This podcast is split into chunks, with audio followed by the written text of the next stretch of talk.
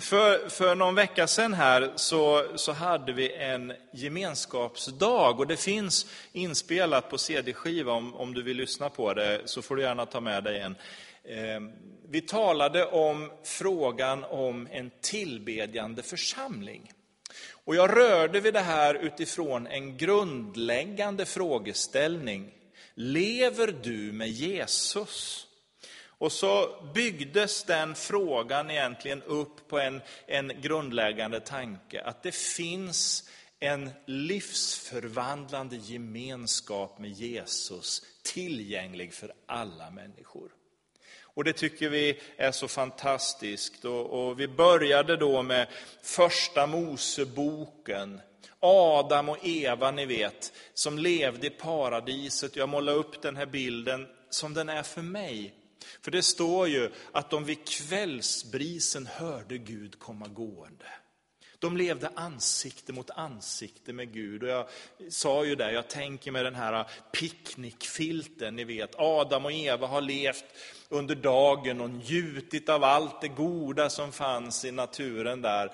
Eh, och så på kvällen så lägger de ut picknickduken och så korkar de upp eh, kaffetermosen med härligt nybryggt kaffe och nybakta bullar kanske och, och någonting gott till. Och så sitter de där och så hör de Gud komma gående. Och Gud han sätter sig på filten med dem. Samtalar jag Adam och Eva, hur har ni haft det idag? Ja, det var så fascinerande. Vi såg en ny blomma där borta som vi aldrig har sett förut och den luktar så gott. Eller fjärilar, jag vet inte vad de kunde tänkas berätta för Gud. Men någonstans så ser jag paradiset framför mig ansikte mot ansikte med Gud. Det mest fantastiska man kan tänka sig. Och det där vill ju Gud ha med oss, den gemenskapen. Men synden trängde sig emellan. Och vi kan inte ha den här ansikte mot ansikte gemenskapen med Gud. Den finns där framme någonstans i himlen. Men nu då?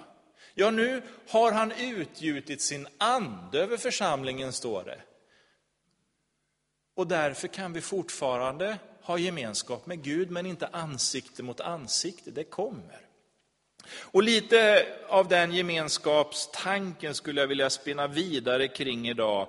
Eh, jag tänkte med tanke också på att det är nattvard här, eh, röra vid ämnet Det är fullbordat. Och vi läser ifrån Hebreerbrevets åttonde kapitel och den tolfte versen. I all korthet några få ord. Hebreerbrevet 8 och 12. Där säger Gud, jag skall i nåd förlåta dem deras missgärningar och deras synder ska jag aldrig mer komma ihåg. Ja, Känner ni hur det pirrar till lite av glädje när man hör det där? Gud ska glömma allt det som har kommit emellan oss och honom. Han ska förlåta oss. Och det är så fantastiskt. Låt oss be. Herre, vi tackar dig för detta evangelium, för denna glada sanning, att du förlåter oss våra synder och glömmer våra missgärningar. Vi lägger den här predikan inför dig i Jesu namn. Amen. Ja, det här berättar ju lite om vem Gud är. Det antyder lite av hans person och jag tycker att eh, det är fantastiskt. För, för Gud är ju liksom ingen abstrakt kraft någonstans långt borta. Han är ingen idé eller tanke i huvudet på folk, utan han är en levande, verklig person. Och för att förstå vem Gud är så brukar jag väldigt ofta gå till Gamla Testamentet, till profeten Hosea, som inte egentligen hade så mycket att predika för folket, utan Gud kallade honom för att med sitt liv visa vem Gud är. Så Gud han kallar Hosea och han säger till Hosea, gift dig med den här prostituerade kvinnan. Ja, tycker man, det är ju lite konstigt, men eh, så sa Gud. Så Hosea, han gifter sig med den här kvinnan och hon har ju då en tendens att hela tiden springa iväg till andra gubbar. Hon var inte nöjd med bara Hosea, hon behövde andra också. Och det där beskriver då eh, lite hur Gud och vi har det ihop. Att vi människor har en tendens att springa efter avgudar. Eller göra andra saker istället för att hålla oss till Gud.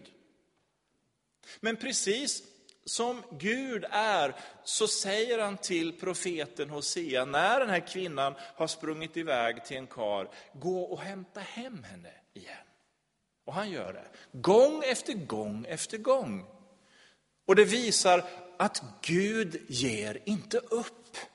Även om jag faller, även om jag gör fel och tokigheter i mitt liv, så säger ju inte Gud, nej den där Daniel, han är så hopplös så honom struntar jag i, nu letar jag efter någon annan istället. Nej, Gud är trofast. Gud han håller kvar vid mig. Så när jag faller och snubblar och gör saker som Gud inte gillar, eller när jag låter saker komma in i mitt liv som inte alls ska vara där, ja då är Gud där och sträcker ut sin hand. Ska du inte komma tillbaka Daniel? Och jag kan komma tillbaka utan att bli utskälld, utan att liksom få banner för varför gjorde du så? Den öppna famnen. Välkommen tillbaka Daniel, jag förlåter dig. Man undrar ju någonstans, eh, tappar han inte tålamodet? Någonstans jag tappar ju tålamodet så snabbt och kanske att du också tappar tålamodet efter en stund. Alltså då kommer vi till tolkningsnyckeln i Hosea i elfte kapitlet, för där säger texten eh, att Gud han är inte som du och jag. Och så säger Gud så här, hur ska jag kunna överge dig och lämna dig? All min barmhärtighet vaknar och jag vill inte låta dig känna min vredesglöd, ty jag är Gud och inte människa. Ja, bra va? Jag skulle inte kunna säga det så bra, men så står det och så tycker jag också att det är. Och jag är så tacksam för att Gud inte är som jag eller som du, utan Gud är Gud. Och därför så låter han den här goda tanken eh, uppenbaras för oss. Han vill inte låta oss känna hans vredesglöd. Han är barmhärtig. Den kärlek och det tålamod som Hosea får gestalta, ja det är en god grund att också förstå Hebreerbrevet och den här texten som jag läste inledningsvis. För Hebreerbrevet behöver man hela tiden spegla mot Gamla testamentets texter.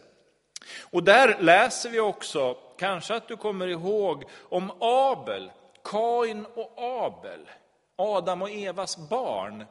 Abel han bar ju fram ett offer till Gud och Gud han kände liksom glädje över det här offret. Det förstfödda i jorden bar han fram. Och det är ju en symbolik om det förstfödda offret. Att Guds förstfödde son, eller egentligen enfödde son, Jesus Kristus, ska offras. Och det har Gud välbehag till. Ja, det kan ju vara lite svårt att förnuftsmässigt ta till sig, men så är det ändå. Och det här blev liksom ett försoningsoffer som man sen en gång om året upprepade, först i tabernaklet och sen i templet, på det som kallas för försoningsdagen. Då gick översteprästen in i det här lilla rummet längst in som kallas för det allra heligaste. Dit gick han med blodet ifrån en bock som hade offrats. Där stod den här guldlådan eller guldkistan som kallas för förbundsarken. Och den eh, hade ju framförallt de två stentavlorna, alltså Mose stentavlor, de låg ju där i. Och så låg Arons grönskande stav och lite manna fanns där också. Locket på den här arken, eller den här lådan, guldlådan, eh, kallades ju för nådastolen. Och på det här locket stänkte översteprästen det här blodet på försoningsdagen och så fick folket förlåtelse för sina synder. Den andra bocken, den slaktade man inte, utan den tog man fram till översteprästen. Han la händerna på huvudet och så bekände han folkets omedvetna synder. Och så skickades den ut i öknen, ut i ödemarken. Och från det här så har vi ju faktiskt ett uttryck som vi kanske använder ibland, nämligen ordet syndabock. Det var inte jag, det var han, det var hon. Alltså att säga till någon som är oskyldig, mitt fel, min skuld eller synd, det var inte jag som kraschade den fönsterrutan, det fattar ni väl att det var han eller hon. Och så gör jag honom till syndabock. Det kommer härifrån. Att våra synder läggs på någon annan. Och i det här fallet någon som vill stå till svars för våra synder. Det är försoningsdagen, men Gud han är ju inte nöjd med att det här ska göras varje år, gång efter gång efter gång, i ett hus som människor hade byggt. Nej, Gud hade lite större planer än så. Han vill upprätta ett nytt förbund som är fullkomligt, som är bättre än det gamla. Och det här gör Paulus tydligt när han i Romarbrevet 10.4 säger att Kristus, att Jesus är lagens slut. Så kommer ni ihåg? I lådan låg de här stentavlorna, där låg lagen. Där stänkte man blodet. Och nu säger Paulus att Jesus är slutet på det här. Eller om man nu översätter det lite längre ifrån grundtexten, att han har fört lagen till sin fullkomning. Den är bristfällig så länge den är på stentavlor, men nu gör han det fullkomligt. Och det är där vi kommer in i den här texten som jag läste. Att Gud i nåd skall förlåta oss våra missgärningar och våra synder ska han aldrig mer komma ihåg. Ja? Skönt! Synd, det var ju det här som stod mellan mig och Gud som gör att jag kan inte se honom ansikte mot ansikte. Det ska Gud ta bort. Det ska han liksom få iväg. Så att jag kan få den här gemenskapen ansikte mot ansikte. Så vad händer när Jesus dör på korset? Han är ju offerlammet på korset. Jo, det står att förlåten, det här skynket som satt för det här rummet, som hindrade människor. Det finns så mycket spännande att berätta om det här. Eh, vet ni, det var ju bara översteprästen som fick gå in i det här rummet. Och det var bara en gång om året. Och man var ju livrädd att det skulle hända något med översteprästen när han gick in i det här rummet. Så vet ni hur man hade löst det? För att ingen skulle behöva gå in och kolla, så hade alltid översteprästen ett snöre bundet runt foten. Så om han eh, tuppade av där inne eller om något hände, då kunde de stå utanför liksom och dra ut honom utan att någon behövde gå in. Det tycker jag är genialiskt. Så, alltså, så hårt höll man på det här att ingen fick gå in dit mer än översteprästen. Men Jesus, han är ju den stora översteprästen. Så när han dör, står det att det här skynket, förlåten, tjockt som en telefonkatalog, det bara går sönder. Mitt i tu går det sönder. Det bara trillar isär. Försök att riva isär, ja nu vet inte alla kanske vad en telefonkatalog är idag, men, men eh, ni som är lite äldre vet i alla fall. Alltså den bara gick sönder. Och nu är vägen in öppen för alla. Nu behöver inte översteprästen gå dit med ett snöre runt foten. Utan nu kan du och jag gå in i det rummet där Gud finns. Han har öppnat vägen till gemenskap för dig och mig. Den här predikotexten eller versen som jag läste, den är egentligen citerad från Jeremia i Gamla Testamentet, det 31 kapitlet. Och där talar profeten 600 år i förväg. Och det kanske inte låter så mycket om vi tänker bak 600 år, men tänk fram 600 år. Till 2615. Och försök tänka att någonting som du säger idag kommer att gå i uppfyllelse 2615. Eller vad säger man, 2615? Det är, alltså får du lite perspektiv. Men Jeremia säger nu 600 år i förväg att Gud ska skapa en relation i framtiden med människorna i deras hjärtan. De här stentavlorna beskrivs som ett hjärta av sten. Det ska bytas ut till ett hjärta av kött, till liv och härlig kraft. Nu när Jesus dör så rämnar den här förlåten i templet. Jeremia han stod ju och såg liksom i templet. Nu rämnar det här. Nu är vägen öppen för alla människor. Nu behövs inte det här huset i Jerusalem på Tempelberget. Därför att nu, säger Bibeln då, så är Guds anda, alltså Gud själv, är utgjuten över församlingen. Och så säger Paulus att du och jag som tror på Jesus är hans tempel. Och så inser jag att Gud är inte längre i det där rummet, i det allra heligaste. Nu är han här, inne i mitt hjärta. Och han är inne i ditt hjärta. Och han är i alla troende människors hjärtan. Och det tycker jag är så fantastiskt. Han dog i vårt ställe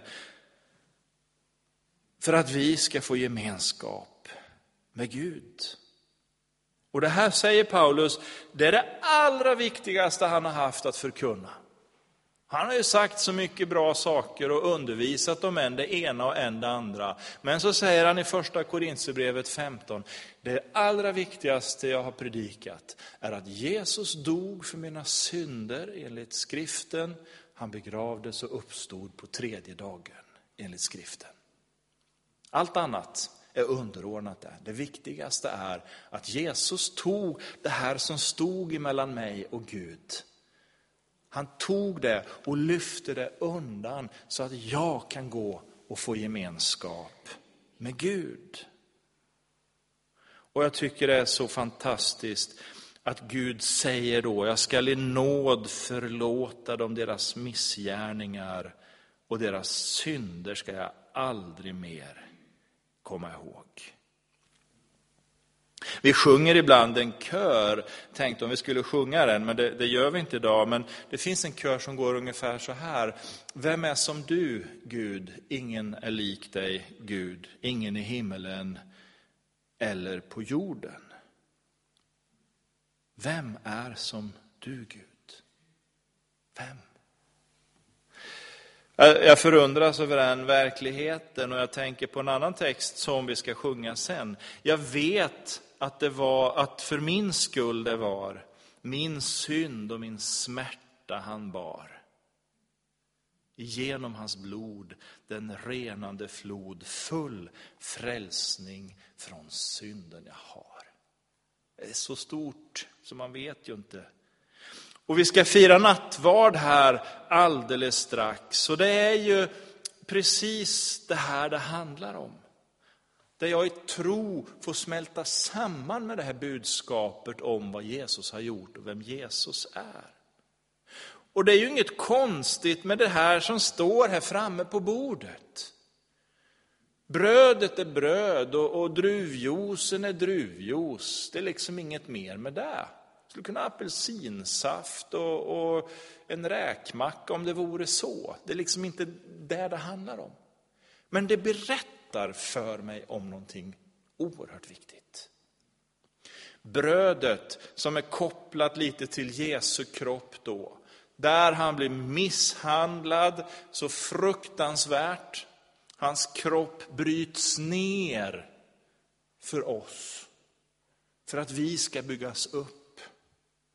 Och druvjuicen som har med blodet, att han dör på korset när spikarna går genom händerna och så småningom sticker de ju upp spjutet i sidan på honom och det kommer ut vatten och så vidare. Att blodet visar också att Jesus dör för att jag ska få förenas med Gud igen. Därför är nattvarden också en bekännelsemåltid. När jag vill vara med Gud, när jag vill ha den här gemenskapen. Och om du ursäktar bilden, när jag vill sitta på picknickfilten med Gud och dricka kaffe och äta nybakta kanelbullar, eller hur man nu ser det. Ja, då går jag fram och bekänner det. Jag vill vara med Herren, jag vill vara med Gud. Och jag tar emot gåvorna. Och det är därför vi också ger gåvorna när vi säger att Kristi kropp för dig given eller utgiven och Kristi blod för dig utgjutet. Och så får jag ta emot det. Jag. Ja, så tänker jag på Sia och skökan som springer iväg någonstans till fel hus.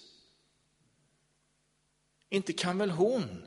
Jo, men vill hon ha gemenskap med Gud så är hon välkommen.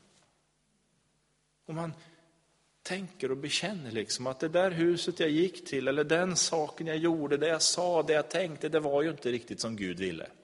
Förlåt Gud. Vad förlåter sig Gud. Jag vill ha förlåtelsen och jag tar emot gåvorna. Till sist, Hebreerbrevet 9, 11-12. Nu har Kristus kommit som överste präst för det goda som vi äger.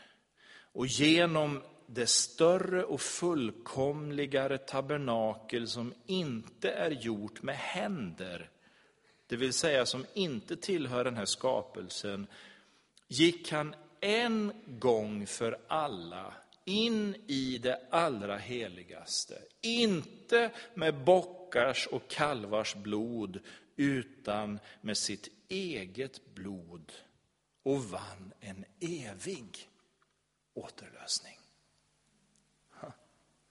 Det är grejer det. Överste prästen gick in varje år. Ja, det räckte i bästa fall i ett år. Och det här ordet evig, det är ju knappt så man kan ta in det och förstå det. Men när Jesus gör det, när han dör på korset och går in i himlen för vår skull, så är det för all tid. Det behöver inte göras om. Och så säger han, det är fullbordat. Något mer behöver inte göras. Det skedde där en gång för alla på korset på Golgata. Han gör inte om det, han behöver inte göra om det. Vad det handlar om är att jag och du har att förhålla sig till denna verklighet och säga, ja, det här gäller mig. Det är mitt liv. Eller i värsta fall, nej, det där är jag inte så intresserad av. Att säga ja eller nej. Låt oss be. Vi tackar dig Gud för evangeliet, att du har tagit synden ifrån våra liv. Tack att du har gjort upp med allt som hindrar oss från gemenskapen med dig. Nu ber vi att det här ska få växa till i våra hjärtan och leva, Herre. Tack att du är trogen oss och inte ger upp oss, även när vi faller. Låt oss förstå storheten i detta. I Jesu namn. Amen.